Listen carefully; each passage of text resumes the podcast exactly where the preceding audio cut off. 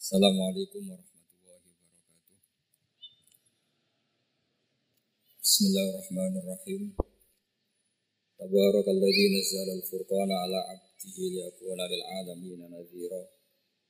Allahumma shalli wa sallim ala sayyidina Maulana Muhammadin wa ala alihi wa sahbihi asma'in ma ba'du.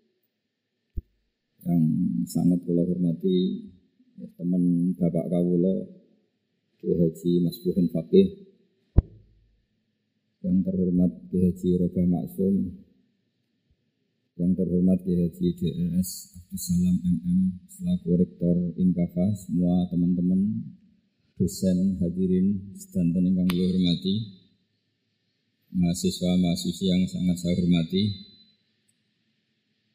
Eh, tadi sudah dikatakan oleh MC di antara alasan saya datang karena bapak saya ini temannya Ki Mas Bukin itu salah. Memang bukan di antara ya karena itu. Kalau di antara ini sembrono. Karena kalau saya datang karena kalian itu dosa besar. Saya ini di rumah punya ibu sudah sepuh punya pondok. Artinya saya punya kewajiban. Secara fikih kewajiban itu hanya bisa digugurkan oleh wajibun a'zamu minhu. Oleh kewajiban yang lebih apa? Besar. Kayaknya kalau mahasiswa-mahasiswa di sini tidak cukup untuk mengganti kewajiban itu. Sehingga saya berkali-kali memaklumatkan diri, yang undang saya nggak pernah sepuh itu dosa. Karena menggugurkan kewajiban yang lebih apa? Besar. Jadi teorinya gampang. Kalau ngundang sampean itu mesti boleh karena nggak punya kewajiban. Jadi di rumah ya nggak punya pondok.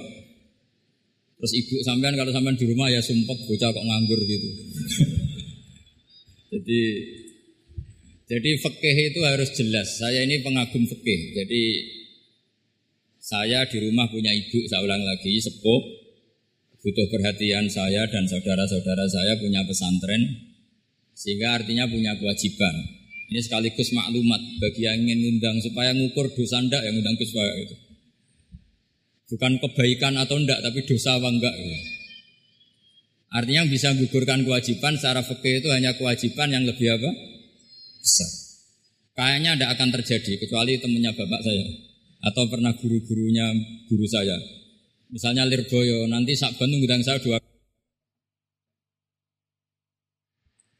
Nah begini ya, ini kan abahnya Ki Mas Buhin juga namanya Fakih, gurunya juga Ki Abdul Fakih. Saya berharap anak-anak Inkafa ini nekuni utamanya itu fikih. Fakih itu penting sekali. Kata Sayyid Ali yang Sohibu Simtid Durar itu, wabihi kiwamu syariah. Yang bisa mengawal syariat itu hanya fakih. Fakih itu ya kalau yang paling gampang tentu kita misalnya punya Fathul Qorib, Fathul Mu'in, Wahab. Tapi yang faham betul, pasti faham itu ngelotok setengah hafal. Jangan bawa kitabnya tok sementing sekian semester terus selesai. Itu sama-sama dosa itu dosennya ya dosa, mahasiswanya juga dosa. Karena sudah terlanjur sarjana agama, ternyata nggak bisa itu kan mendingan tidak sarjana agama. Itu saya tak cerita sama Kiai Roba, itu ada fatwa Kiai, Kiai juga wali. Suatu saat ada penyanyi dangdut top terkenal di Indonesia itu itu nyanyi dangdut. Ya ya penyanyi ya dai. Entah itu hakikat entah majis tidak tahu. Itu kiai itu fatwanya lucu. Kalau kamu datangi dia pas main dangdut, masih saya beri izin. Tapi kalau datangi dia pas pengajian itu tak larang kan.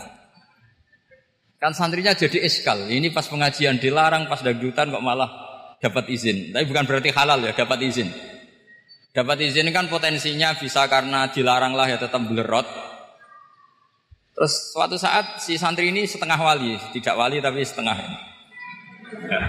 Lama-lama itu memahami gurunya. Memahami gurunya ternyata sirinya begini. Kalau seorang penyanyi yang tidak pernah ngaji, kemudian ngomong agama, itu potensinya itu fadlu, wadlu sesat dan menyesatkan. Tapi kalau dia sedang nyanyi dangdut, penyanyinya cowok loh, sama jangan bayangkan dangdut putri enggak, enggak itu cowok sudah tua lagi. Jadi potensi halalnya ada lah maksudnya untuk tapi tidak alat musiknya orangnya. Tapi kalau dia nyanyi itu paling dosanya hanya nyanyi. Saya ulang lagi, murid tadi akhirnya paham kalau datangi pengajian itu artinya ekor kalau dia seorang dai atau seorang yang layak ngomong apa agama. Itu lebih bahaya karena kita santri, apalagi kita dokter atau MM terus ngekrori orang yang nggak jelas asal usulnya. Tapi kalau nyanyi kan nyanyi saja. Sehingga itu menjadi fikih. Bahaya terbesar dalam fikih adalah apa? Mengkaji fikih tidak dari ahlinya. Ya seorang lagi ya, mengkaji fikih tidak dari apa? Nah kenapa demikian? Begini, saya beri contoh. Ilmu fikih itu tentu pertama dari Rasulullah Shallallahu Alaihi Wasallam. Kemudian bersanat sampai kita atau kita sampai Rasulullah. Itu mengalami sekian ijtihad yang tidak mudah. Saya beri sekian contoh. Dulu Imam Syafi'i itu sukanya sama guru yang miskin ya, karena rata-rata santri juga miskin. Jadi mesti ngidolakan guru yang miskin. Karena sesama miskinnya harus berkoalisi. Tapi akhirnya gurunya Imam Syafi'i itu miskin sekali. Namanya Muslim bin Khalid Az-Zanji itu miskin. Sofyan Asauri miskin. Sofyan bin Uyana miskin. Setelah ngaji di Medina itu Imam Malik itu kaya. Pas itu Imam Malik sudah kaya. Setiap ketemu Imam Syafi'i dikasih uang. Sampai ketika Imam Malik itu bilang, kamu sudah alim. Ilmu saya sudah habis, kamu ngaji sama yang lain. Sama siapa? Kata Imam Malik, orang yang sealim saya sudah meninggal, namanya Abu Hanifah. Tapi dia punya murid, namanya Muhammad bin Hasan Asyaibani. Kamu ke sana. Terus Imam Malik datang ke Baki. Dulu Baki itu pasar rental, ya, ya grab lah kita kalau sekarang itu. Mengumumkan siapa kafilah yang mau ke Irak. Kita ya Imam Malik dibayari sama Imam Malik. Ini antar ke Irak ke Muhammad bin Hasan Asyibani. Imam Malik mulai ngeper. Guru saya yang miskin tidak pernah nyangoni, guru-guru saya yang kaya sering nyangoni. Mulai memasalahkan dia miskin gitu, kira-kira seperti itu mulai mulai masalah gitu.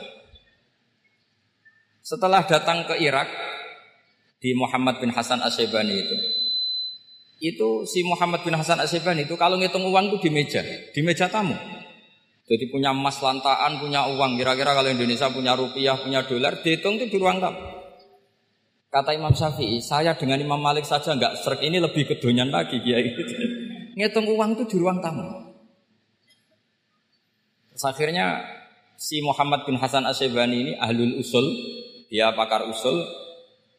Kamu heran sama saya? Iya. Kiai kok kedunyan? Dia ngomong gitu. Tapi kata Muhammad bin Hasan Asyibani, kalau kiai tidak boleh kaya, kita kayak nawang fasek. Ben gue demenan, gue mabuk. Oh jangan nanti dipakai maksiat.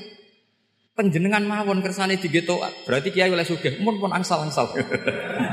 Semenjak itu jadi satu fikih bagi Imam Syafi'i.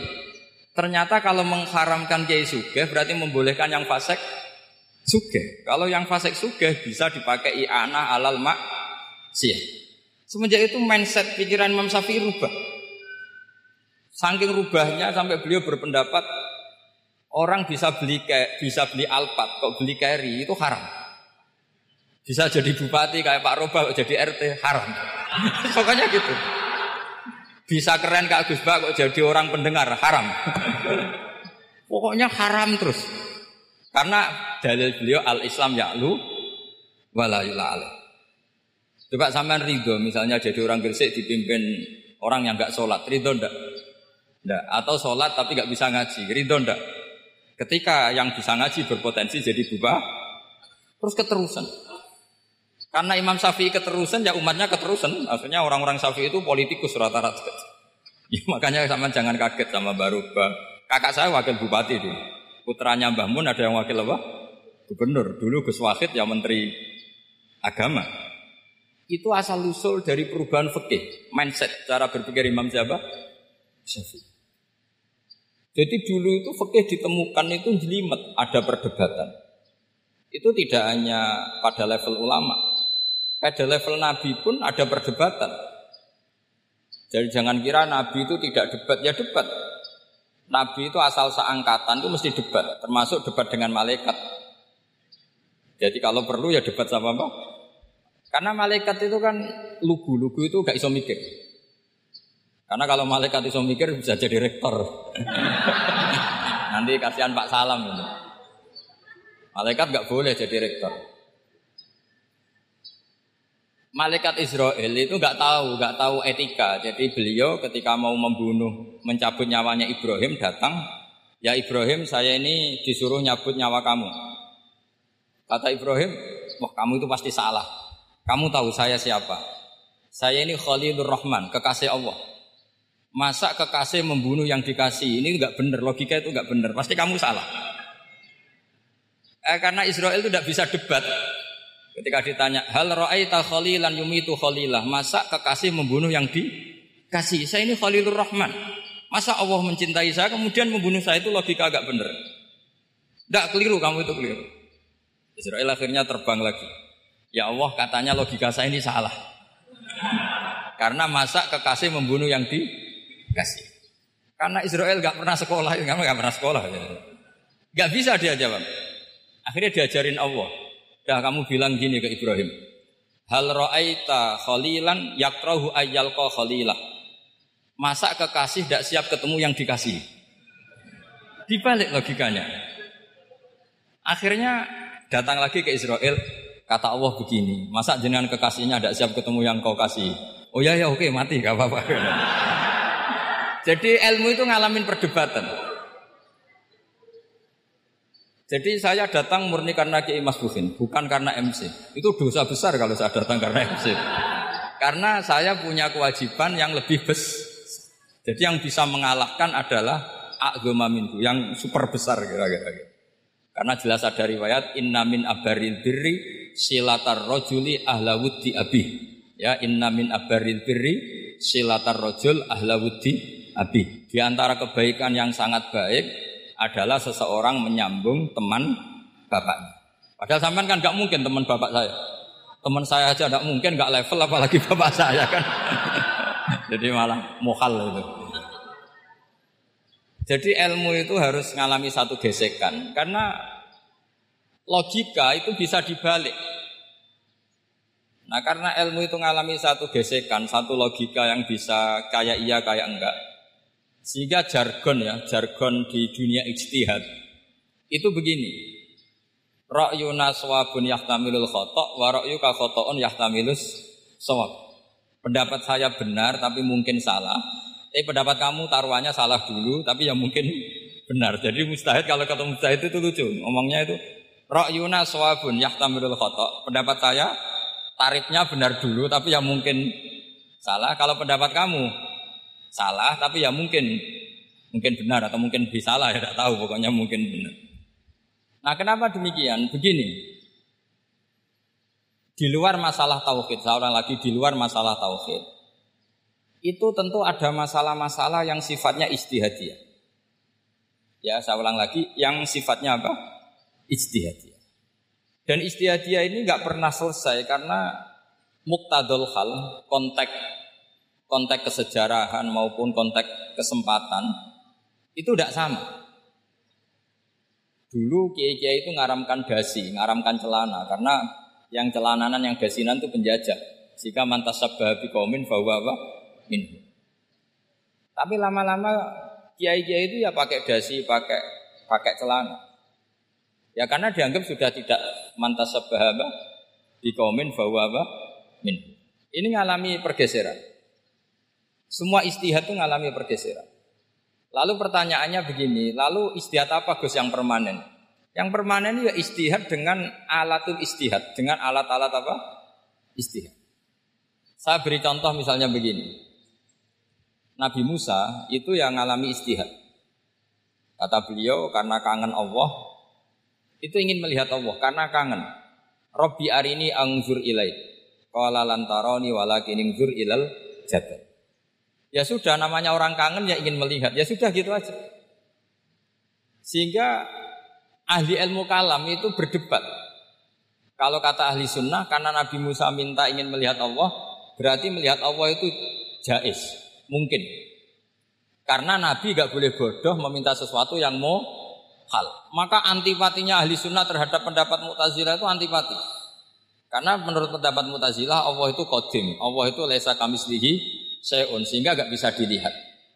Pertanyaannya adalah berarti Nabi Musa meminta sesuatu yang mau hal itu bodoh sekali sampai nggak tahu mana muhal mana apa jais. Makanya kata Imam Ghazali masa Nabi Musa yang Nabi nggak tahu kalau melihat Allah itu muhal sampai minta berarti nganggap itu jais atau bu boleh. Itu cara pandang orang-orang ahli sunnah apa wajah. Tapi tetap saja sebagian ulama itu ya balelo yang kayak mutazila itu ya balik loh. Cara berpikir pokoknya itu karena kangen bukan karena mungkin atau tidak mungkin. Jadi nggak mungkinnya tetap tidak tidak mungkin. Terus mereka dalil la tudrikul absor wa huwa yudrikul absor. Nah sudut pandang ini akan terus. Ada seorang wali ditanya kalau kamu di surga ingin melihat Allah apa enggak jawabnya enggak kenapa? Kasihan Allah Terus kenapa jadi?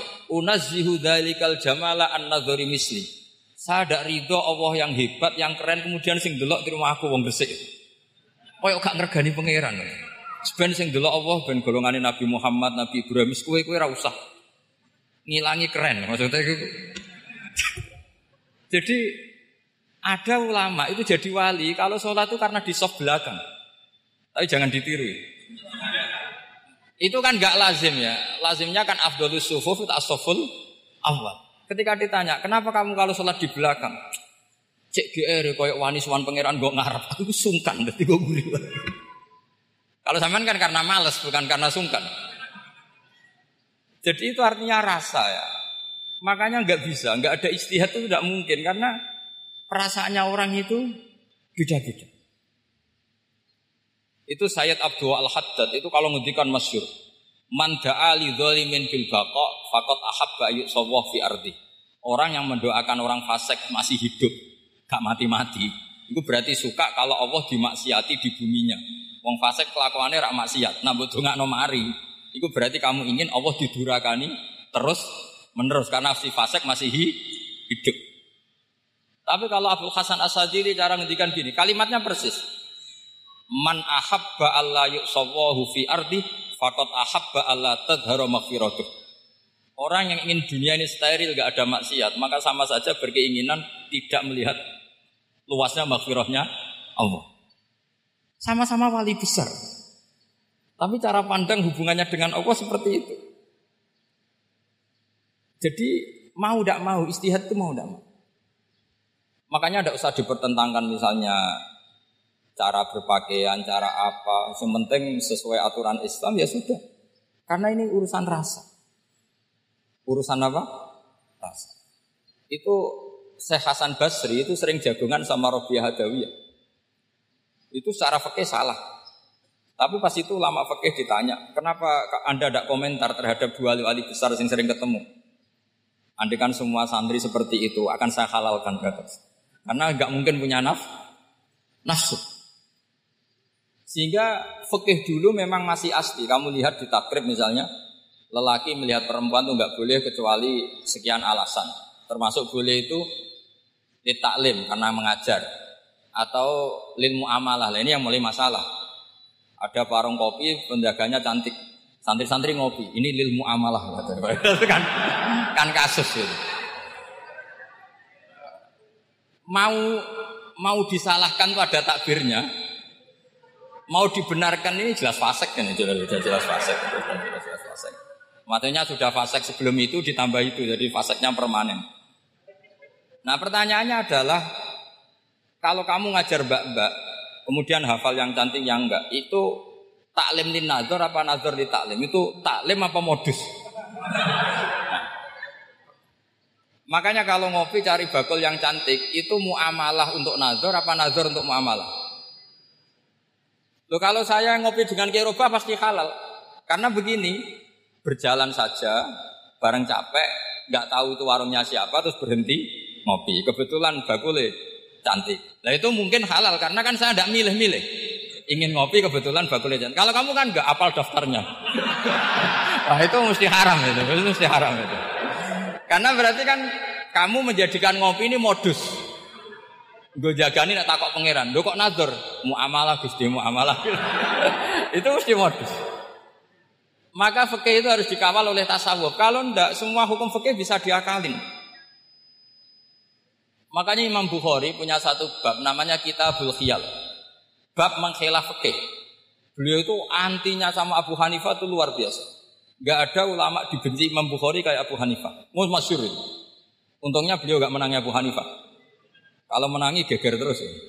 Bisa bahsul masail terus ya. Itu Abu Hanifah itu ulama yang suka khilah. Khilah itu ngerekayasa hukum. Misalnya begini, saya ini puasa agak lemes, ujian agak lemes, apalagi kiai serapati di duit, santri buling-buling lemes. Ya.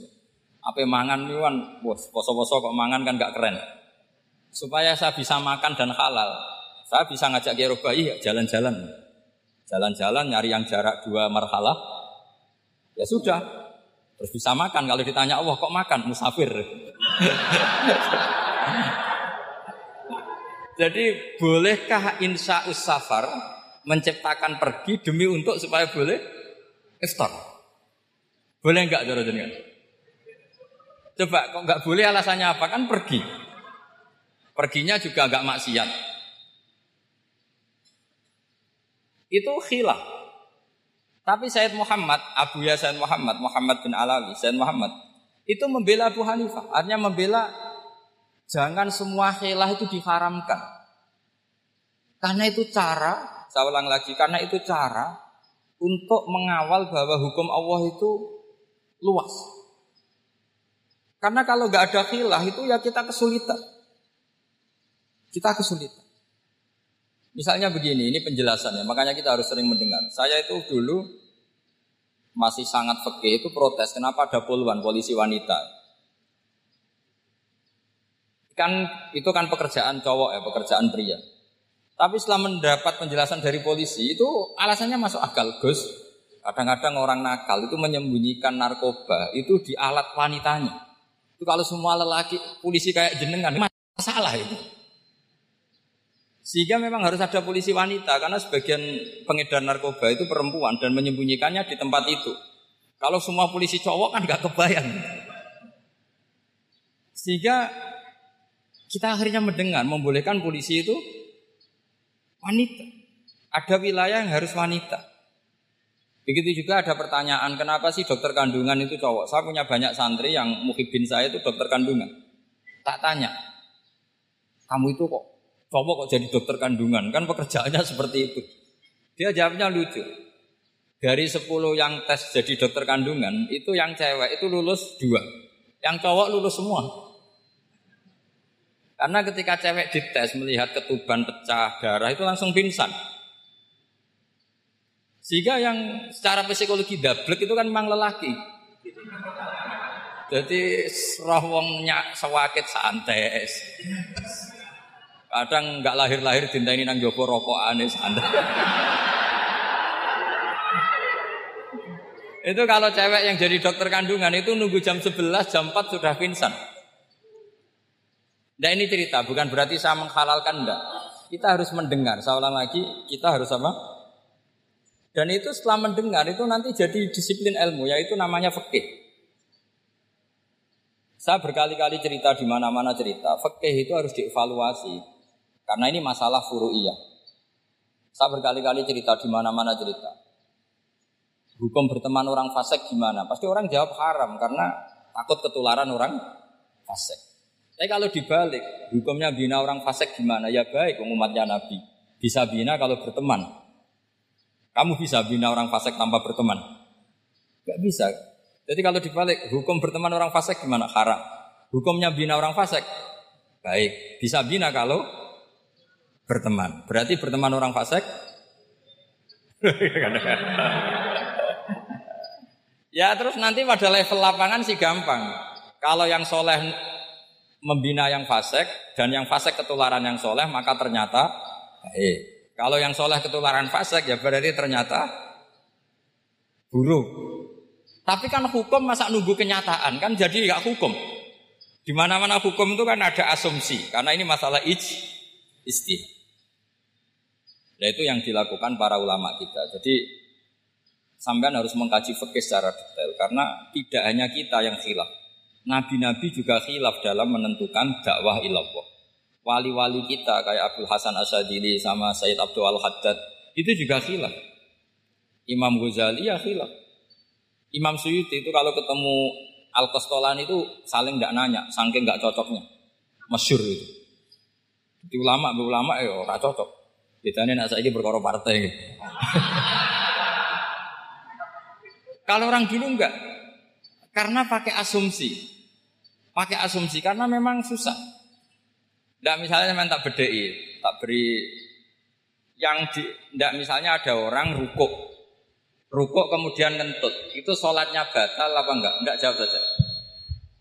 Enggak orang sholat kemudian pas rukuk kentut atau kelihatan auratnya, sholatnya batal apa enggak? Batal. Lah itu nih sampai itu salah dosennya mesti itu. Pertanyaannya gini, yang dikatakan sholat itu kan akwalun wa af'alun muftatahatun bitakbir muftatamatun bitaslim. Lalu ketika sampai ruko apa sudah namanya sholat? Jika kamu katakan batal, namanya sholat aja belum kok sudah kamu katakan batal itu.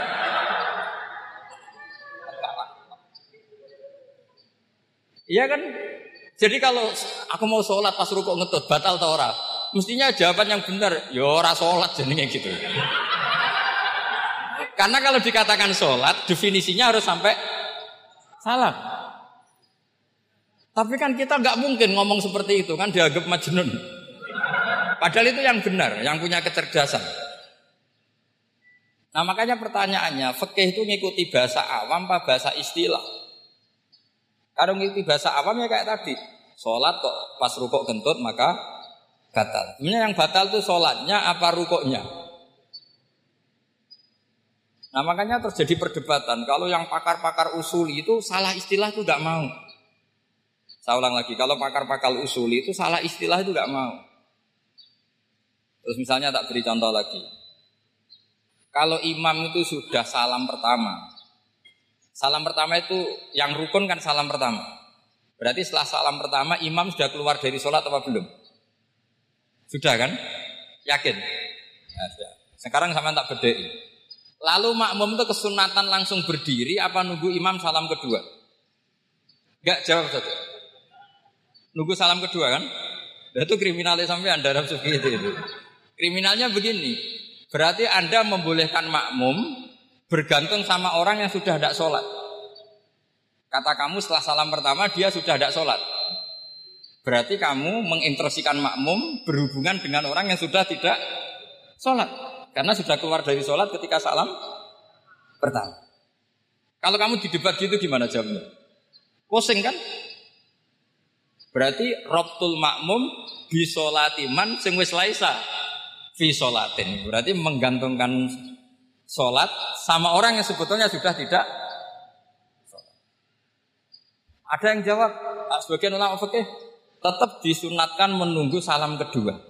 Karena salam kedua itu masih paket meskipun tidak rukun.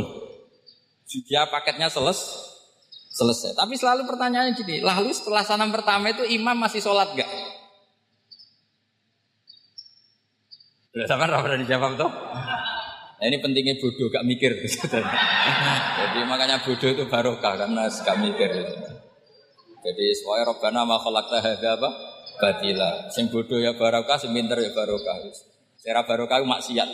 Surano barokah plus. Maka kan nafkah itu seperti itu. Jadi ada disiplin, di situ ada disiplin ilmu. Yang kadang kita tidak cocok. Makanya Imam Syafi'i sendiri ngendikan kadang beliau dengan gurunya dengan Imam Malik sampai ngarang istilafu Malik. Beliau punya data yang beliau itu sedang nggak sama dengan gurunya, yaitu Imam siapa? Karena mindsetnya itu beda. Tidak sampai misalnya saya tanya, sholat itu harus menghadap ke mana? Tidak jawab saja. Kiblat kan. Ukurannya apa coba? Namanya madep. Wajah apa dada? Imam Syafi'i milihnya dada. Sekarang praktekkan dalam dialog keseharian. Saya jagungan sama Kiai Roba, seperti ini, terus wajah saya begini, madep gak? nah itu masalah. Terus pertanyaannya, madep dengan dada itu visolat apa fil?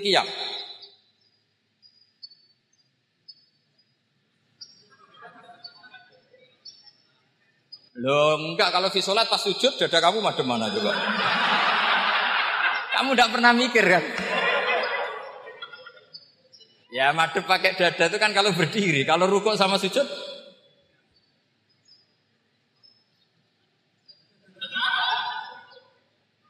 Lah itu ulama itu jelimet gitu. Makanya jarang yang menekuni profesi ulama ini. Menekuni proposal banyak karena memang susah. Jadi ulama itu orang yang cara berpikir sudah aneh. Jika mereka detail, maksudnya menghadap itu apa? Ukurannya kalau berdiri ya dada, tapi nggak bisa kamu katakan atau wajib bisodri aturan dalam sholat, fikuli sholat. Pertanyaannya lah kalau rukuk sama sujud, Dadanya menghadap ke mana coba? Maka itu ilmu yang sudah jelimet. Nah ulama usul fikih ulama yang nggak mau salah per detail hukum.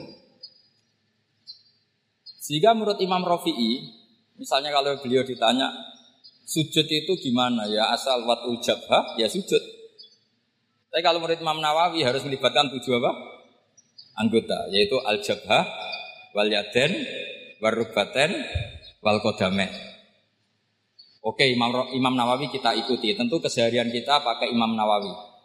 Yaitu berdasar hadis umir tu an asjuda ala sabati dumin al jabha wal yaden warubaten wal. Berarti berapa? Tujuh. Tapi pernah saya cek di kitab Om karangannya Imam Syafi'i ketika beliau ngendikan saya suka kalau orang sujud itu melibatkan tujuh anggota berdasar hadis ini. Tapi kata beliau wayah tamilu dan bisa saja sujud yang watul jabhah itu sudah cukup.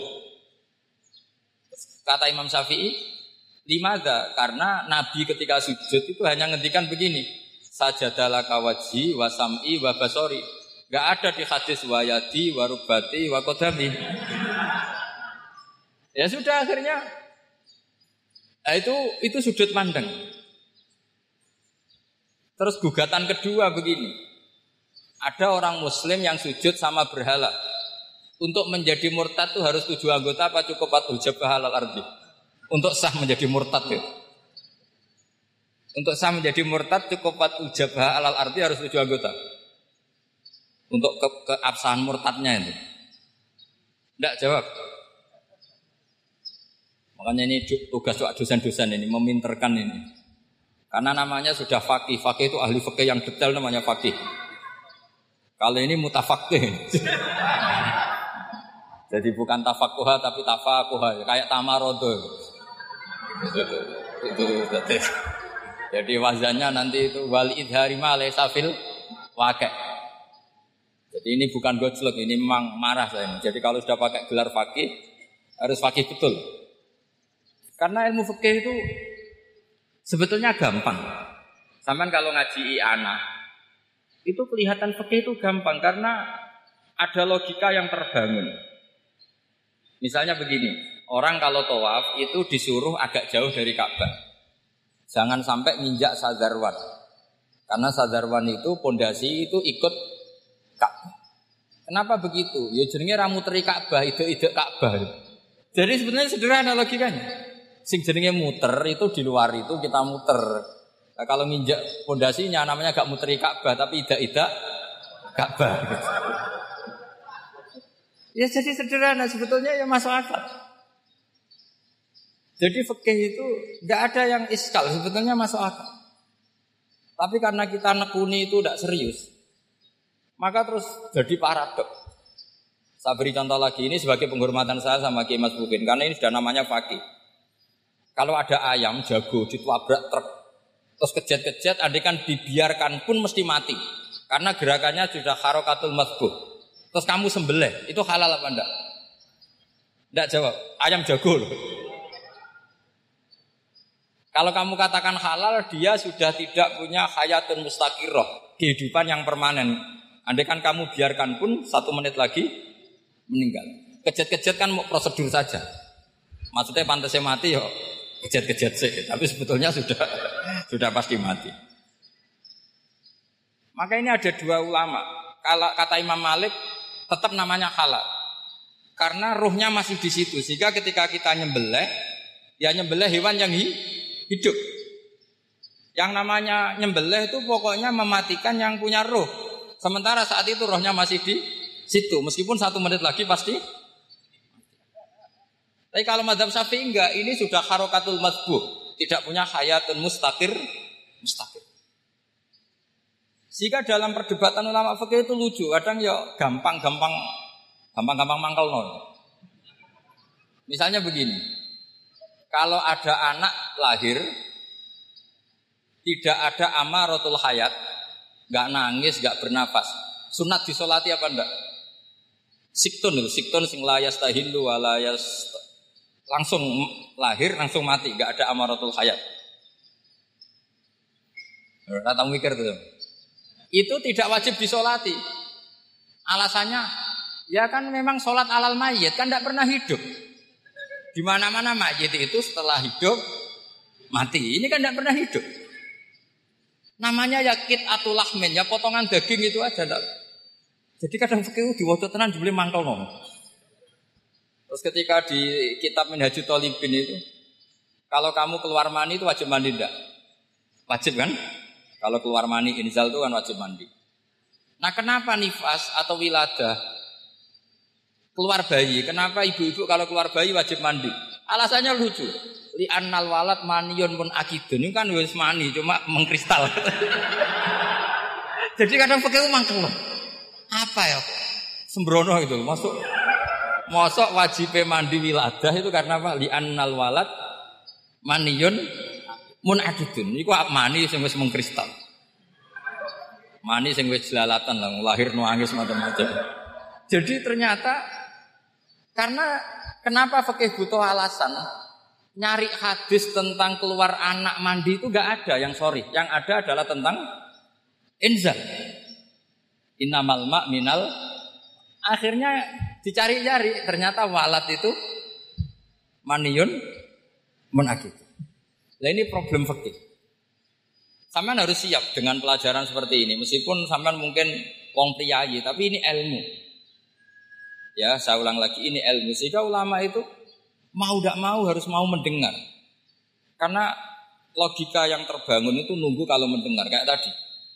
Nabi apa malaikat Israel baru sadar masa kekasih bunuh yang dikasih masuk akal. So mikir juga Israel. Kalau sama sampean sih nggak nerima tetap selonang selonang ini masalah Ibrahim Khalilur Rahman. Sehingga kita di alasan fikih itu harus kita dengar. Saya dulu itu, saya sampai sekarang itu sama kalau bayi lahir masih sudah berbentuk bayi, saya sendiri berpendapat sebaiknya disolatin. Kalau sudah berbentuk apa? Bayi, meskipun tidak apa? Tidak nangis, tidak ada amaratul hayat. Kan yang digugurkan itu wajibnya, bukan masalah boleh dan tidak. Itu banyak lah perdebatan ulama di bab itu. Saya beri contoh lagi perdebatan ulama. Ini contoh-contoh fikih karena ini khusus penghormatan status fakih tadi.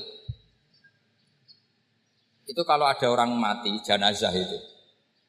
Jenazah itu kalau sholat, itu kan umumnya jenazah di depan, kita nyolati di belakang. Itu yang mengatakan begitu ya tidak punya alasan. Ya tahunya mulai dulu begitu, di mana-mana nyolati jenazah, jenazahnya di depan. Tapi di kitab Mahali jelas diterangkan, kata kaul sani tidak wajib. Alasannya ya lucu, fa innal janazah laisat bi imamin. Jenazah itu tidak imam, kenapa harus di depan? Kan kacau kan. Lu coba alasannya di depan apa? Dia ada imam kok. Nah barokahnya fikih itu sehingga kita melihat di Arab Saudi sekarang itu jenazah kan di belakang.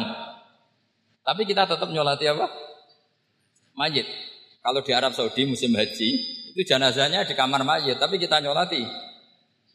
Itu satu-satunya takbir ya tadi fa innal janazah laisat bimanzilatil imam. Tapi jangan praktekkan, nanti dia kepaliran sesat tuh. Saya hanya cerita-cerita ilmu, jangan praktekkan. Kalau dipraktekkan masih jadi aliran sesat. Mono jenazah ning guri mame gue ngarep aliran sesat. Sebetulnya bukan sesat tuh. Uji coba fikih. ya karena tadi fa'indal janazah lesat biman zilatil. Bukti lagi kalau sampean sholat goib. Sholat goib ini misalnya mayitnya di Surabaya, boleh nggak sholat goib di sini? Terus jenazahnya di belakang kamu apa depan kamu? Nah ini kan Fikih itu pokoknya gitu. Makanya standar furu'iyah itu susah. Karena perdebatannya itu mirip-mirip, kayak iya, kayak tidak, kayak. Makanya dulu zaman sahabat ada sahabat itu mencintai Rasulullah. Senengannya sowan. Bukti cinta sowan. Banyak juga yang sahabat bukti cinta Nabi itu tidak pernah sowan. Alasannya ganggu. Kenapa kamu jarang sowan Nabi? Saya sering jamaah sama Nabi, saya tidak pernah sowan. Kenapa? Ganggu. Biar Nabi kalau di rumah sama anak istrinya, saya tidak mau ganggu. Makanya saya termasuk kiai yang gak pati seneng disowani. Karena ya itu tadi. Kalau mulang seneng saya, kalau disowani biasa saya. Kalau kiai roba itu nili, nak pernah sepuh jadi rasuan nili. Jadi beda. Saya sering ditili kiai kiai sepuh. Tapi bahasanya tentu tidak sowan, tapi nopo nili. Kalau sowan itu banyak. Ketika Rasulullah wafat, itu separuh sahabat hampir mayoritas ya Rasulullah kita semua ingin kita dulu yang meninggal karena engkau begitu penting. Maka jangan jangan meninggal dulu, kita yang meninggal. Kalau kita yang meninggal itu nggak apa-apa, tapi kalau engkau penting, jangan meninggal. Tapi ada saja sahabat, lah tidak seperti itu. Saya suka Rasulullah meninggal dulu. Alasannya masuk akal. Biar Allah menyaksikan saya kama usod dikuhu hayyan usod dikuhu maitan. Allah biar menyaksikan saya iman kepada Nabi ketika masih hidup. Dan saya buktikan setelah mati pun, setelah meninggal pun, setelah wafat pun, iman. Jadi ternyata baisnya itu supaya orang tahu bahwa iman kita kepada Nabi itu iman yang super. Jika ketika beliau sugeng ya kita iman, setelah wafat juga kita iman. Kai usod dikuhu maitan kama usod dikuhu hayyan. Supaya saya mentasdikkan beliau setelah meninggal sebagaimana kita mentasdikkan beliau saat masih hidup. Dan ternyata Allah ridho dengan perkataan sahabat itu. Kenapa Allah ridho? Karena menjadi pelajaran bagi orang-orang yang ditakdir gak menangi Rasulullah Shallallahu Alaihi Wasallam. Tetap mereka i, iman. Jangan kayak setan. Setan itu kurang ajar betul kalau iblis. Masyur itu. Iblis itu nangis-nangis dengan Nabi Musa. Iblis itu takutnya sama Allah itu luar biasa. Sampean kalah. Iblis itu setiap ketemu malaikat karena dia ngerti alam goib, mesti apa itu? Eh, kama sali syaitani itqala lil insani kufur falamma kafara qala inni bari umminka inni akhafu wa rabbal alamin. Jadi setan iblis itu paling sering bilang inni akhafu wa rabbal alamin karena iblis itu tahu surga, tahu neraka, tahu kekuasaannya Allah. Jadi takutnya sama Allah luar biasa. Makanya setiap dia mengajarkan kekafiran, setelah orang itu kafir gimana? Inni bari umminka, inni akhafu wa rabbal alamin. Saking takutnya sama Allah, suatu saat iblis ini datangi Nabi Musa. Karena tahu Nabi Musa itu kalimuwah. Orang yang bisa komunikasi langsung dengan Allah. Ya Musa ya kalim Allah, saya ini makhluk. Saya takutnya sama Allah luar biasa. Tolong rayukan Allah supaya nerima tobat saya. Karena dirayu terus lama-lama Nabi Musa bilang, oke okay, tak rayukan Allah. Sama Allah.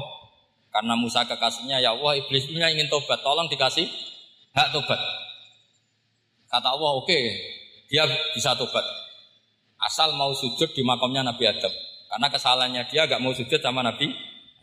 Semenang Nabi Musa karena ada cara untuk iblis menjadi tobat. Dikasih tahu sama Nabi Musa. Alhamdulillah kamu diterima tobatnya. Syaratnya apa? Sujud ke kuburannya Nabi Adam. Wah iblis ya aslinya terus. As as jutuhu maitan wakatlah as jutuhu hayyan. Oh zaman urip aku ora gelem, wis mati. oh dasar setan itu. Zaman nurip ya aku ora gelem mati mbok kon sujud.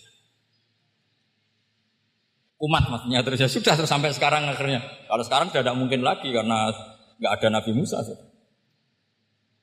Jadi ijtihadnya sahabat melihat wafatnya Rasulullah itu beda-beda dan ternyata semuanya diridhoni Allah. Karena ternyata yang suka Nabi wafat dulu adalah ingin supaya umat Islam tetap mencintai beliau iman sama beliau, tasdik sama beliau. Sebagaimana tasdik zaman sugeng. Makanya kita harus mencintai guru-guru kita. Uhibbuhu maitan kama uhibbuhu ayah. Saya sampai sekarang itu ya merasa Mbah Mun itu tidak meninggal. Saya masih merasa kalau bapak saya tidak meninggal. Karena kita mencintai beliau-beliau ketika hidup dan ketika wafat itu sah. Karena beliau-beliau sama kita juga seperti itu. Rasulullah itu ketika mendekati wafat, ya bahasa halusnya intakola ila rofiqil a'la. Itu Nabi kalau ngedikan tuh rileks sekali. Hayati khairun lakum, wafati khairun lakum. Cong aku nak uripku ya apik. Engko nak aku wis kapundhut ya apik. Fa amma hayati fali asumna lakum asunan. Sebagian riwayat fa innakum tuhaditsuna anni wa uhadditsu ankum. Kalau saya masih hidup, saya bisa mengajarkan kamu sunnah, mengajarkan kamu tradisi-tradisi yang benar. Dan ketika aku mati, ketika aku sudah wafat, maka saya jejer Allah, kata Nabi. Saya berdampingan dengan Allah, maksudnya dekat Allah. Tentu bila Kevin walan hisor. E, terus sudah fa'inna amalakum amal-amal kamu diperlihatkan ke saya. Berhubung saya sudah dekat Allah, kalau amal kamu baik, saya muji Allah. Kalau amal kamu buruk, saya langsung mintakan ampun kepada Allah. Jadi Nabi rileks sekali. Artinya saya hidup bagus karena bisa mengajarkan kamu as-sunan wasyaro'e. Kalau saya wafat karena saya dekat Allah, kalau kamu baik saya muji Allah, kalau kamu buruk saya mintakan ampun kepada Guru-guru kita juga seperti itu. Justru setelah wafat, beliau-beliau punya kesempatan dekat sama Allah, dekat sama Al-Malail A'la sehingga mendoakan apa? Nah terus kata Said Muhammad, wala takulu lima yuktalu fi amwat. Kamu jangan pernah berkeyakinan atau berpendapat atau berkomentar kalau orang-orang yang mati fi sabilillah adalah berstatus apa? Mati, amwat. Kalah. Terus kata Said Muhammad, hadza li amati syuhada. Ketentuan ini bagi umumnya syuhada. Artinya gini, umumnya syuhada saja tidak berstatus amwat, apalagi hadza Rasulullah sayyidul syuhada, sayyidul anbiya, sayyidul mursalin tentu tidak tidak pernah berstatus amwat. Ya saya ulang lagi ya, jadi zaman cara berpikir amatus syuhada, syuhada yang umum saja berstatus hidup. Tidak boleh distatuskan amwat. Apalagi Rasulullah itu sayyidus syuhada, sayyidul anbiya. Maka status beliau pasti hayyun layamut, pasti beliau itu hidup tidak dan karena beliau itu asfak, sangat sayang kepada kita, sebagaimana zaman beliau hidup itu sayang kepada kita, sampai nangis-nangis minta hak syafaat, maka setelah meninggalkan pun beliau pasti sayang kita dan pasti berusaha supaya kita diampuni oleh Allah Subhanahu wa taala. Sehingga ada sahabat yang tadi berpendapat kalau saya nggak masalah Nabi wafat dulu. Supaya Allah menyaksikan saya usaddiquhu maitan kama usaddiquhu hayya. Jadi ini cerita ya, cerita sudut-sudut pandang. Jadi saya mohon kalau mengkaji fikih itu harus detail. Minimal takrib itu setengah hafal. Supaya konstruksi ilmu itu utuh. Ya sama lagi konstruksi ilmu itu. Karena ilmu itu mesti ada yang apa ya? Ya rodok setengah salah itu, tapi di salah ora kena. Ndak sampean tak bedheki, nak pancen bener langsung tak angkat jadi rektor. Nak bener tuh. Coba rukun sholat pertama itu apa coba? Rukun sholat pertama. Niat. Niat sama berdiri dulu mana? Ayo niat dulu baru berdiri, apa berdiri dulu baru niat? Berarti niat sama berdiri dulu mana? Nah, rubah kan? Artinya kita mau bilang tartib urutannya niat berdiri takbir gak bisa. Yang dikatakan niat itu apa? Kosdus muktaronan bifilihi. Berarti niat sama takbir harus bareng apa urutan? Bareng. Terus dengan kiamnya urutan apa bareng? Bareng apa urutan? Loh enggak kalau urutan berarti takbir dulu duduk baru berdiri. Nah maka seperti ini itu mau tidak mau kita salah dikatakan tartib ya salah, dikatakan serentak ya salah. Cuma karena kita bodoh, gak tahu mikir itu, alhamdulillah kan di situ itu. Lu coba niat sholat, niat takbir kiam dulu mana? Niat takbir kiam dulu mana tuh? Dulu kiam, nggak ada kitab yang mengatakan arkanus sholat awaluha. Oh, dianggap kitab kriminal maksudnya. Makanya ngendikan ulama-ulama di sara-sara, mau tidak mau sebagian istilah itu tasamu, tasamu itu terus tiga gampang, ngono kok repot. Karena kita tidak bisa detailnya. Coba misalnya puasa. Puasa Ramadan itu wajib apa? itu niat, nginep no niat. Sing darani nginep itu umure lama apa enggak? Lama kan? Sekarang sebelum dua menit kamu baru niat, sah apa enggak? Sah. Itu sempat nginep apa enggak dua menit itu?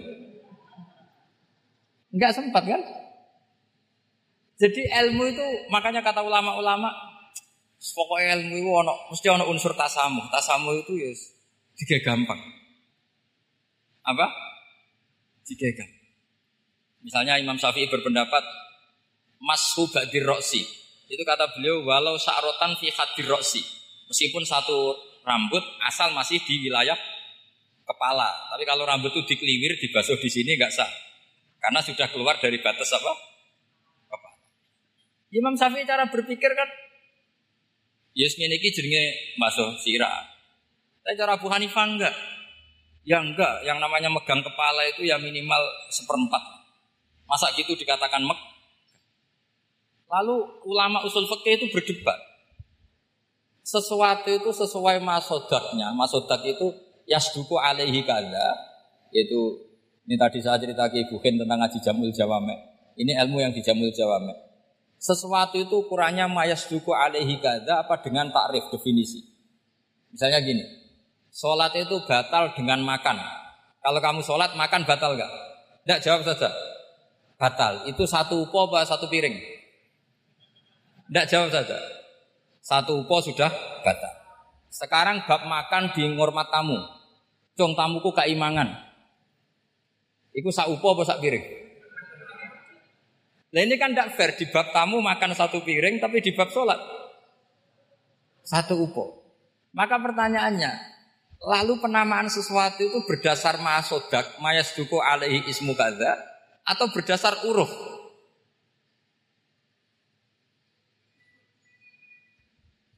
Ukurannya apa coba? Maka terus jadi perdebatan. Nah ini di sini ini pentingnya ulama karena ya sekarang saya bedai sekarang.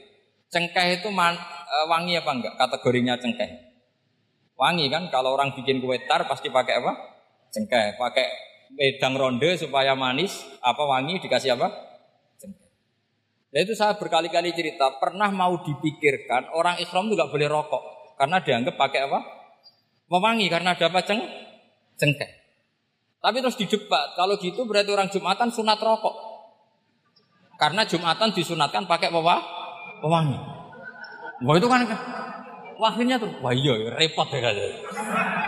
Jadi kalau cengkeh kamu kategorikan wewangen, yang orang ikhram nggak boleh rokok karena pakai cengkeh yang wangi, konsekuensinya orang Jumatan sunat rokok karena berarti di, di masjid pakai apa? Pewangi. Kan sesat semua ya jadi. Jadi itu ilmu. Makanya selain fikih mateng itu ada ilmu yang namanya usul usul fikih. Usul fikih itu yang yang neliti itu. Mayas duku alaihi kada. Jadi Yus iku darani ngono. Seorang lagi. Ngono iku wis darani ngono. Ora perlu roh roh detail. Ya, saya lagi. Ora perlu roh roh detail. Makanya Abu Hanifah itu misalnya basuh wajah. Wis anggar keceluk ngene iki wajah. Nek Imam kan detail mimbaini mana bitis syari sampai ila somahe udunehi ila dakon terus mana bitis syari Imam Syafi'i nambah apa goliban kenapa ditambah goliban? Karena kalau orang budak mana bitis syarinya di sini? Jadi itu fikih jadi fikih itu jelimet. Padahal kita ini nggak pernah berpikir secerdas Imam Syafi'i tapi akhirnya ya mikir juga. Agak ditambah goliban mana bitis syarinya orang budak kan? Sini. Terus sekarang perdebatannya, orang budak basuh masuk roksi di sini sah enggak? Karena tadi itu wajah apa kepala gitu. kan jadi bingung gitu.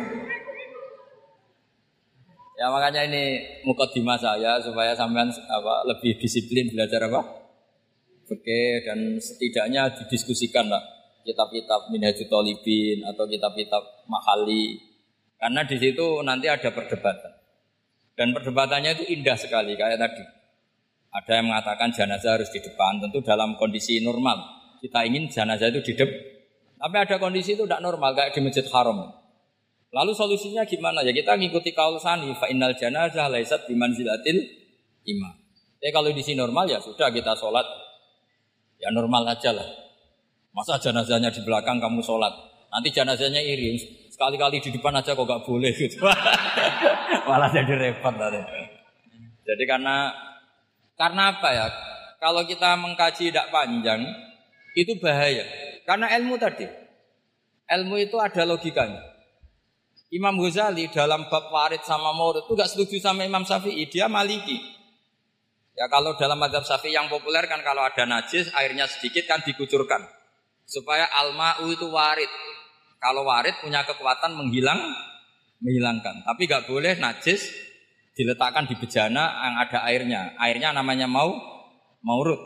Tapi Imam Ghazali dalam hal itu ngikuti Imam Malik. Gak ada bedanya warid sama Maurud. Karena logika Imam Ghazali gini, misalnya ini ada najis ya. Ya mik ini ada najis di sini. Atau sarong lah, contoh paling gampang kan sarong. Ini sarong, najisnya di sini. Kamu kucuri. Ketika kamu kucur, air yang lewat ini kan tidak ada dua kola. Kemudian ketika terkena najis, mutanajis kan? Kalau dia sudah mutanajis, dia punya kekuatan menghilangkan najis apa enggak? Enggak kan, karena dia sendiri berstatus mutanajis. Artinya begini, meskipun ini disorno, itu bukan berarti najis gak campur. Nah, terus sampean misalnya bantah, tapi kucurannya wakil, terus nanti semua tersisa hilang. Ya kalau gitu nggak ada masalah kan pertanyaannya kan karena banyu itu satu ciduk. Sehingga Imam Syafi'i mengatakan cara berpikir Imam Ghazali air itu oleh Allah dikatakan mutahirun mensucikan ya sudah kalau ada air berarti mensu jika baik caranya warid maupun maurud. Bukan karena air itu menghilangkan najis. Karena tadi logikanya yang sudah kena najis, air ini sudah berstatus mutanajis. Berarti pas mulai lewat ke bawah, dia statusnya apa? Mutanajis. Ke bawah lagi berstatus mutanajis.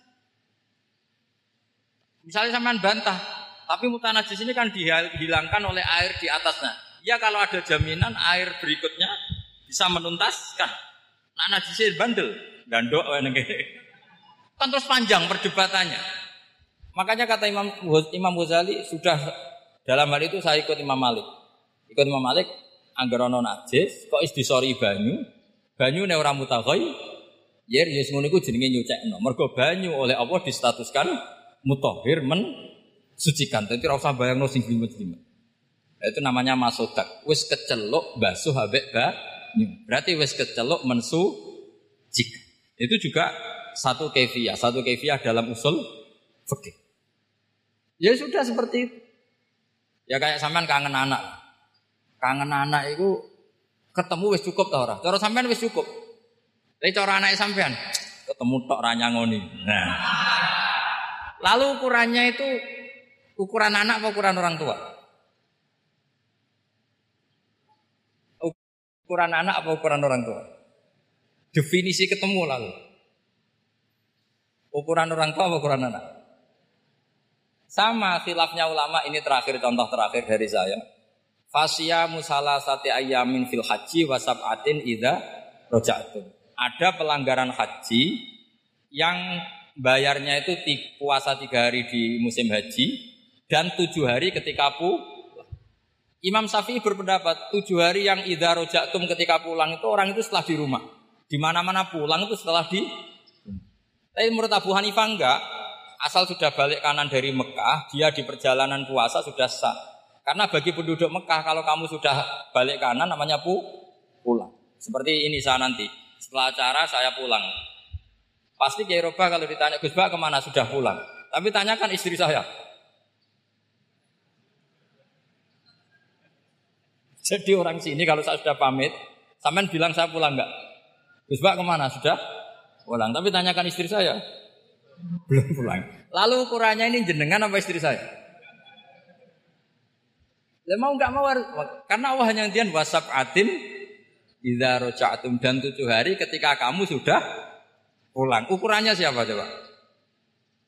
Ukurannya penduduk Mekah apa keluarganya? Kalau ukurannya penduduk Mekah, asal orang haji sudah cabut, ya disebut pulang. Tapi kalau ukurannya keluarga asal belum sampai rumah belum disebut pun. Itu yang seperti kita dulu ketika era Wesel, zaman Ki Mas Buken, Ki Roba Mondok, saya kan era Wesel. Angger wong tua sebar ngeposno, anakku wis tak kirimi kan gitu. Wong wis diposno. Tapi masih tiga hari. Dari anak eh durung dikirimi. Bener mana tuh? Ya kira-kira seperti itulah usul fikih. Saya mohon anak-anak inkafa ini mengkaji itu. Dengan status fakih, fakih itu orang yang mutafanin, mutabakhir fil fikir. Itu baru disebut apa? Fakih. Kalau enggak namanya apa? Mutafakih. Bukan fakih tapi berpura-pura apa? Berpura-pura ahli fakih. Ya, tentu sekolah ini bukan diciptakan untuk yang berpura-pura fakih, tapi memang benar-benar apa? Fakih. Ya, saya kira demikian. Mohon maaf. Assalamualaikum warahmatullahi wabarakatuh.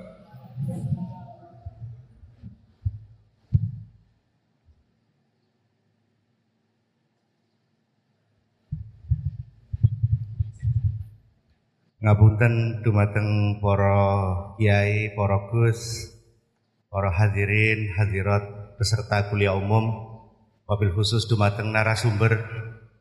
Sebagaimana kuliah umum ini tidak ada tema, juga tidak ada moderator. Alasannya keranten satu, narasumbernya kiai, mosok kiai diatur, suladab. Niki alasan yang nomor dua sebenarnya. Yang nomor satu niku sanjangi. Niki 153 dosen inkafa niki sami ajri dados moderator. Keranten narasumber yang jolokan Nyuwun izin datang Kiai Ahmad Bahaudin menawi wonten pertanyaan dari hadirin maupun hadirat dari mahasiswa mahasiswi diberi kesempatan niki nggih pun ditutup kalian doa. Nyuwun izin rumiyin kraten narasumber kiai. Oke, alhamdulillah dipun paring izin. Monggo. Yang mau bertanya ada dua mic. Ya. Pertanyaan boleh disampaikan dengan catatan pertanyaannya harus berbobot. Kalau tidak berbobot mungkin cukup MC yang menjawab. Lah masa Gus Bahak jauh-jauh dari Lasem ke sini beliau ini kan terkenal di YouTube, di medsos sebagai kiai muda yang alim. Pertanyaannya harus berbobot, jangan memalukan inkafa. Harus benar-benar fakih, bukan mutafakih.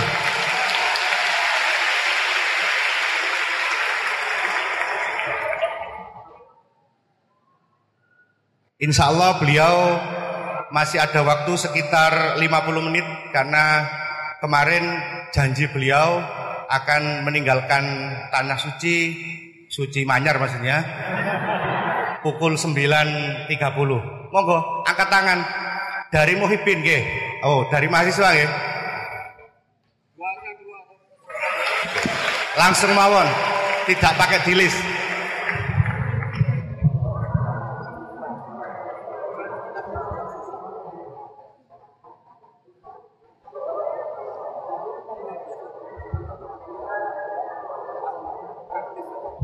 Berdiri saja, berdiri. Ya.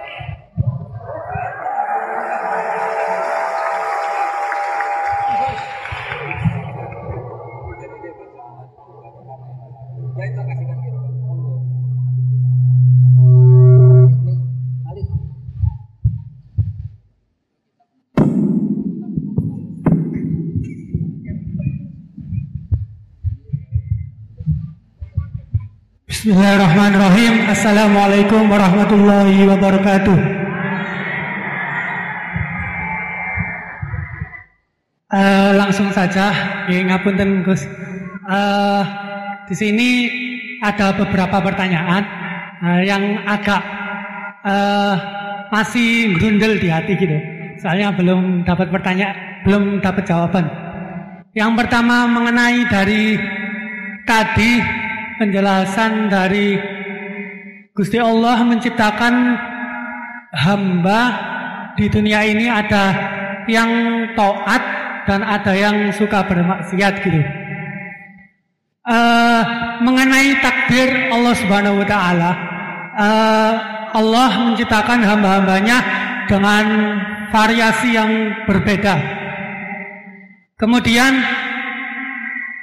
manusia diciptakan dengan dibekali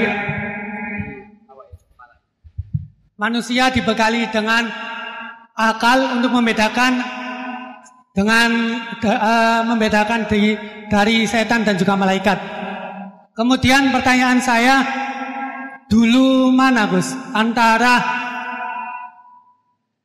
takdir yang ditentukan oleh Allah atau pilihan akal kita gitu. Begitu intinya. Soalnya kan bukan kalau orang bermaksiat kemudian dulu mana Allah menentukan dia bermaksiat atau akalnya yang memilih untuk bermaksiat? Itu pertanyaan yang pertama. Untuk pertanyaan yang kedua,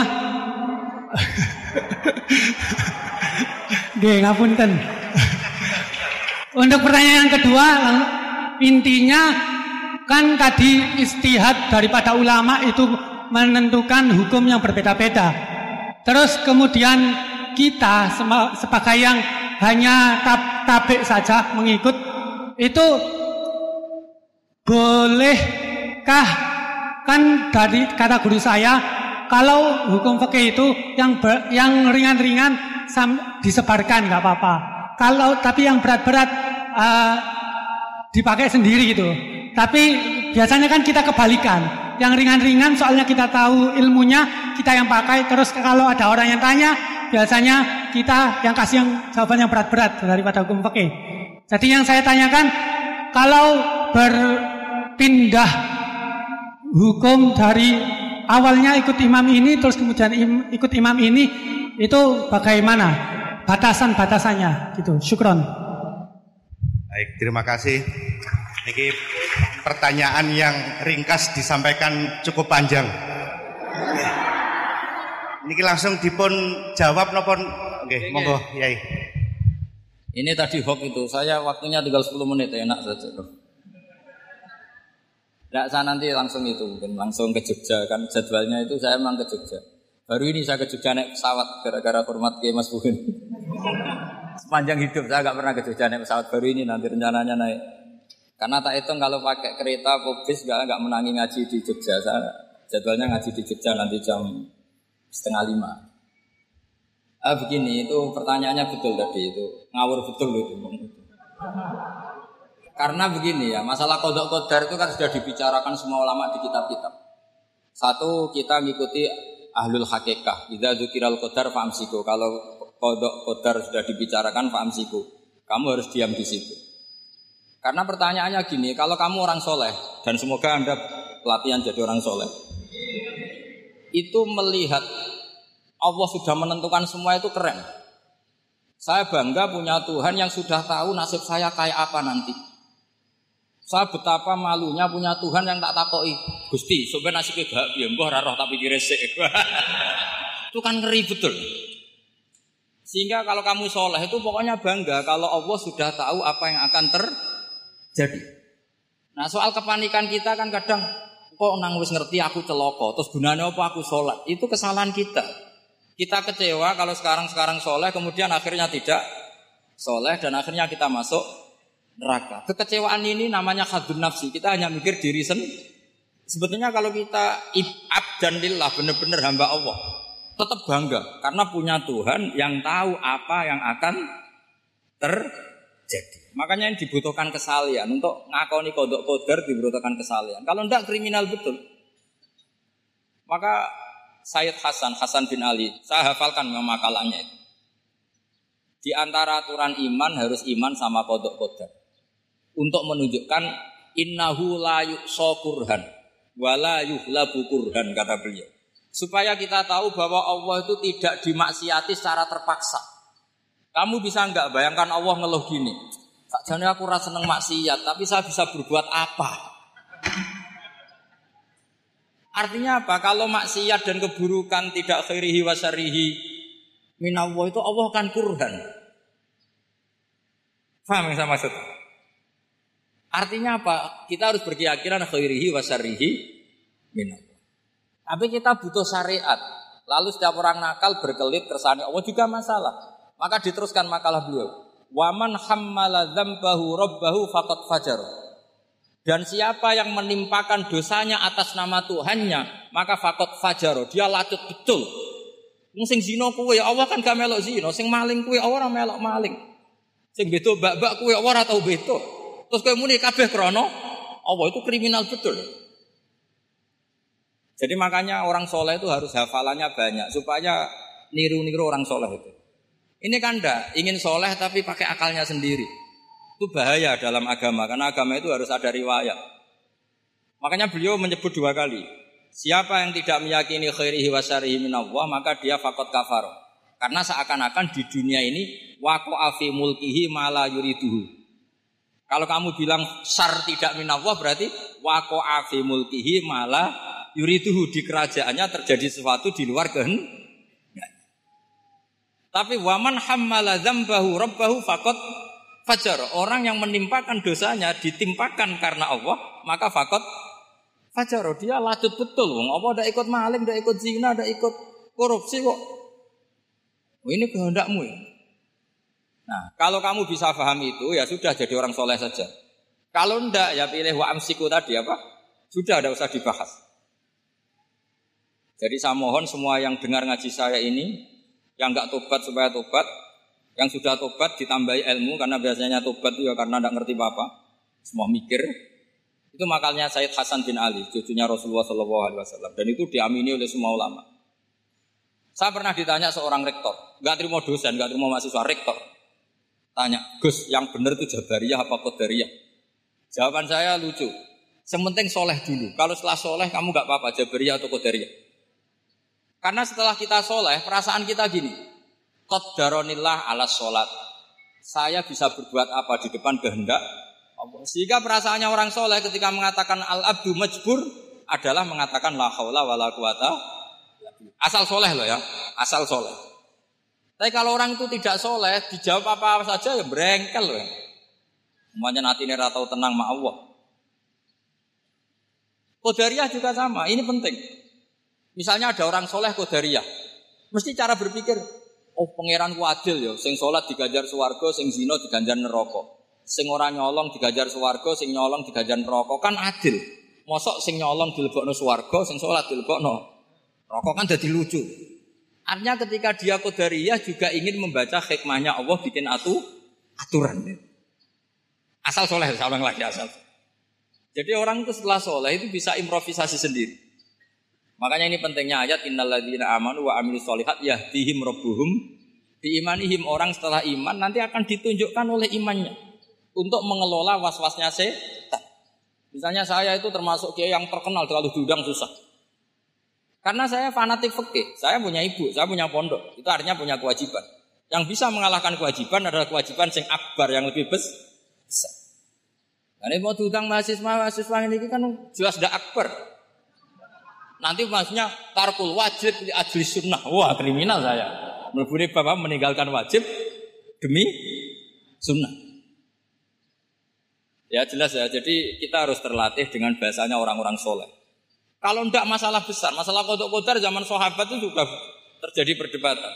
Terus ada yang cerita ada riwayat idza dzikira ashabi fa amsiku wa idza dzikira al-qadar fa Kedua masalah istiad fikih yaitu gak apa-apa, memang dari awal furu'iyah kan, dari awal furu'iyah. Kalau nuruti istiad gini, kalau ada mahasiswa tanya sebaiknya dijawab apa enggak? Mungkin sebagian narasumber sebaiknya dijawab biar marem. Sebagian narasumber sebaiknya enggak usah dijawab. Wong mahasiswa ben pinter kok apa-apa takok, gak mandiri. itu namanya istihad. Jadi kalau furu'iyah itu mungkin sekali. Ya ini saya masih punya waktu dua menit, masih satu pertanyaan itu hoax tadi yang 50 menit ini.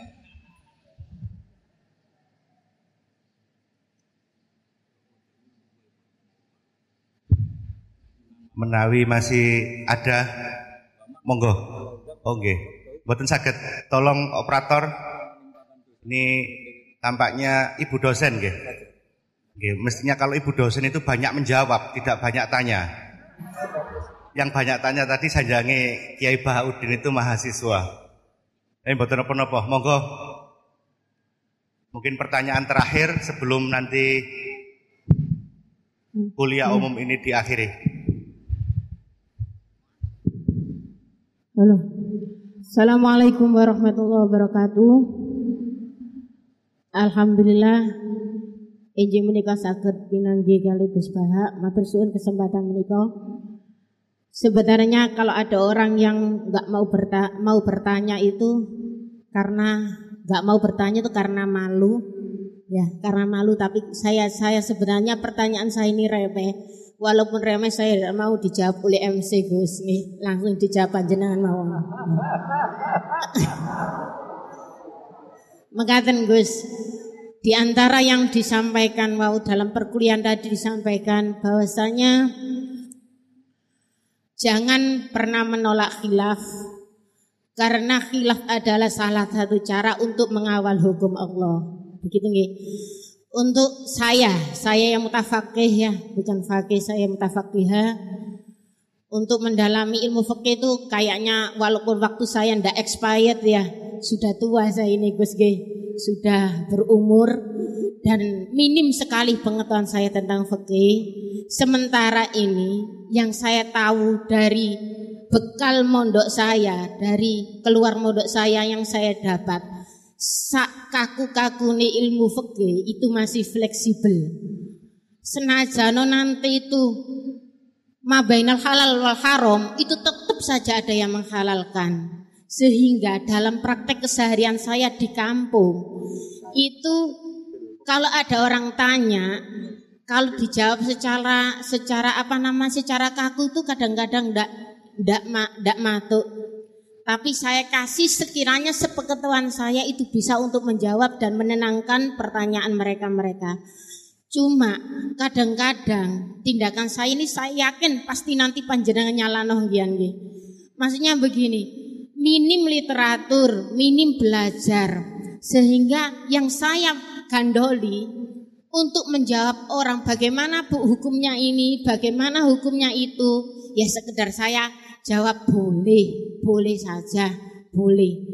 Sekiranya pertanyaan itu tidak dalam koridor sing syarat pasti itu misalkan bagaimana hukum meninggalkan sholat tidak. Semisal hukum-hukum yang kadang-kadang kita itu Fakih itu kalau di pondok itu kayaknya kok dinamis ya.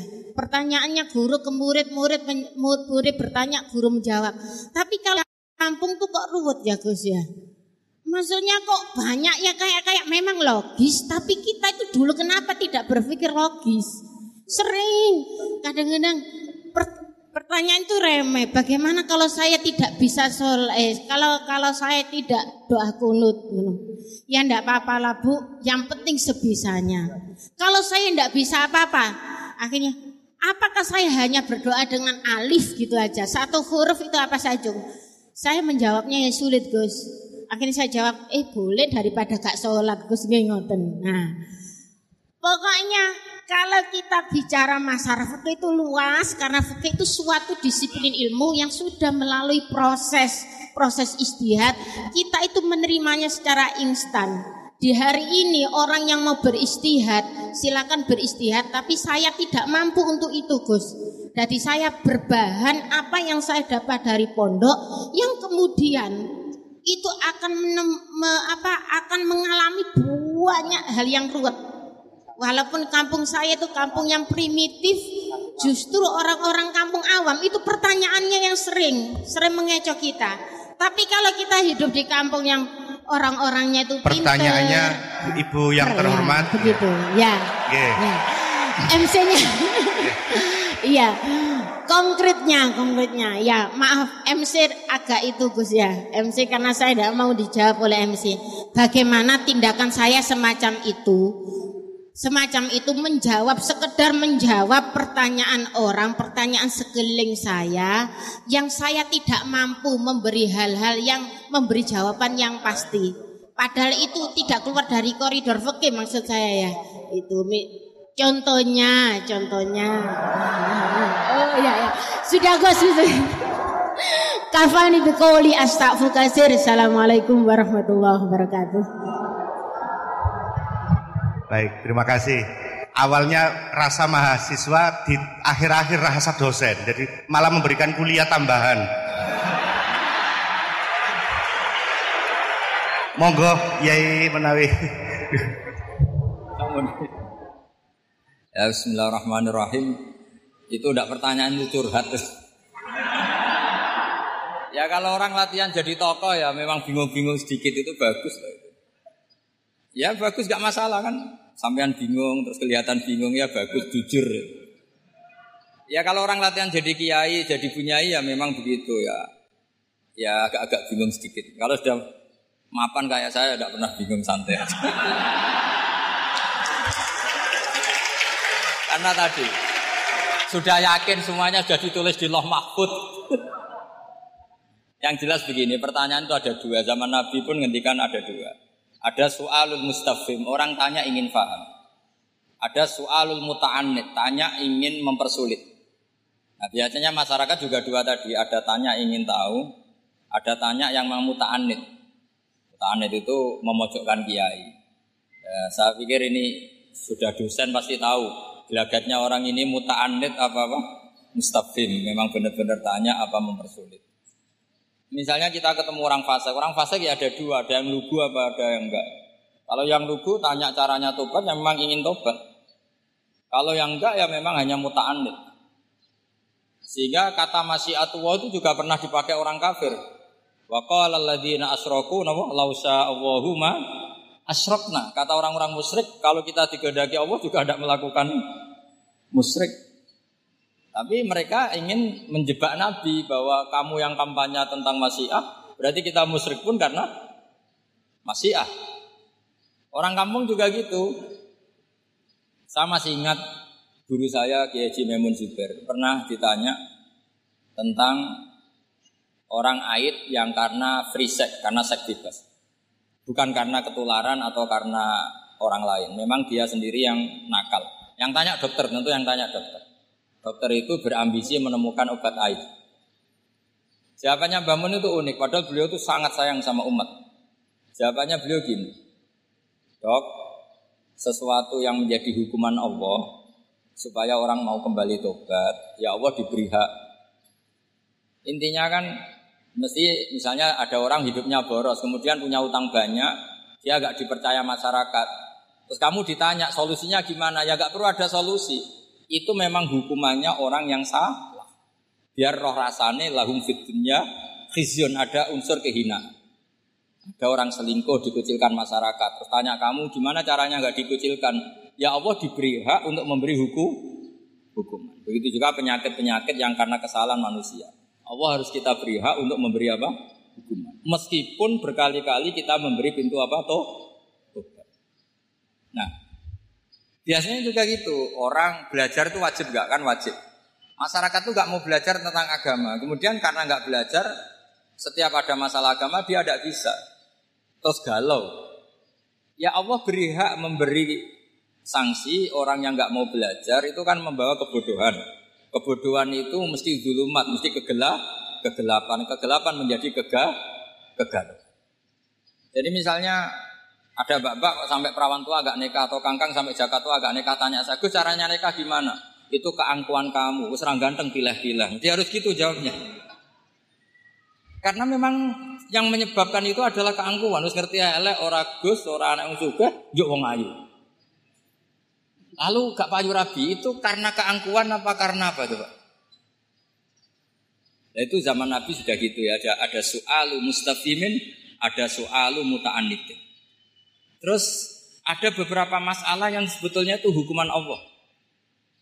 Saya itu merasa kaya, bahkan mungkin kategorinya kaya sekali. Bukan karena materi saya banyak enggak. Saya ini pengagum hadis atau riwayat lah. Kalau kamu nggak percaya itu hadis, karena mutorib, Wa'mal li akhiratika ka'annaka tamutu apa? Dan beramallah untuk akhiratmu seakan-akan kamu mati besok. Saya ini kan harus keceluk kiai gede, di orang atau saya umur saya itu banyak sekali. Wong urip nanti sesuk di orang atau saya ini mewah menurut saya. Sampean kan enggak seorang kiai goblok bayang urip nanti 10 tahun ke depan. Duit rong juta ya kurang, 10 juta ya kurang. Padahal konsep kita ini kata Rasulullah atau kata ulama lah yang jelas itu ngamallah untuk akhiratmu seakan-akan mati deh. Maka hidup saya itu tenang sekali.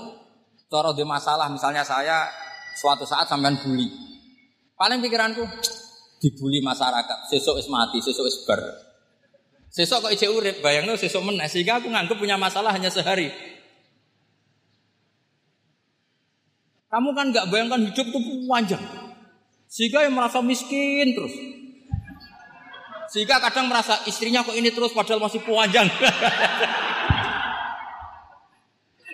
Jadi kalau kamu pakai konsep ulama tadi, wa'mal li akhiratika ka'annaka tamutuhu dan beramalah untuk akhiratmu seakan-akan kamu itu mati besok. Sehingga yang saya asik ya kalau sholat itu saya asik, ngajar asik. Karena ini untuk bekal mati. Kalau uang betul. Tanyakan istri saya, saya punya uang 200 ribu itu anggap banyak sekali. Uang murid nanti sesuk ada duit 200 ribu itu mewah betul loh. Terus kemudian ada orang galau. Uang 10 juta kurang 20. Kegalauan ini adalah dia salah persepsi. Anggap urip itu panjang. Ini wayul hihimul amal. Orang yang dibuai oleh angan-angan. Nah ini melebu alhaqumut takatsur hatta zurtumul maqabir. Ya ya bu dosen yang rasa mahasiswa ya atau mahasiswa yang rasa dosen tadi kata MC. Ini enggak gitu keliru MC. Dosen yang rasa bunyai. Jadi lebih keren. Dosen yang apa? Rasa bunyai. Ya saya kira demikian. Assalamualaikum warahmatullahi wabarakatuh. Waalaikumsalam.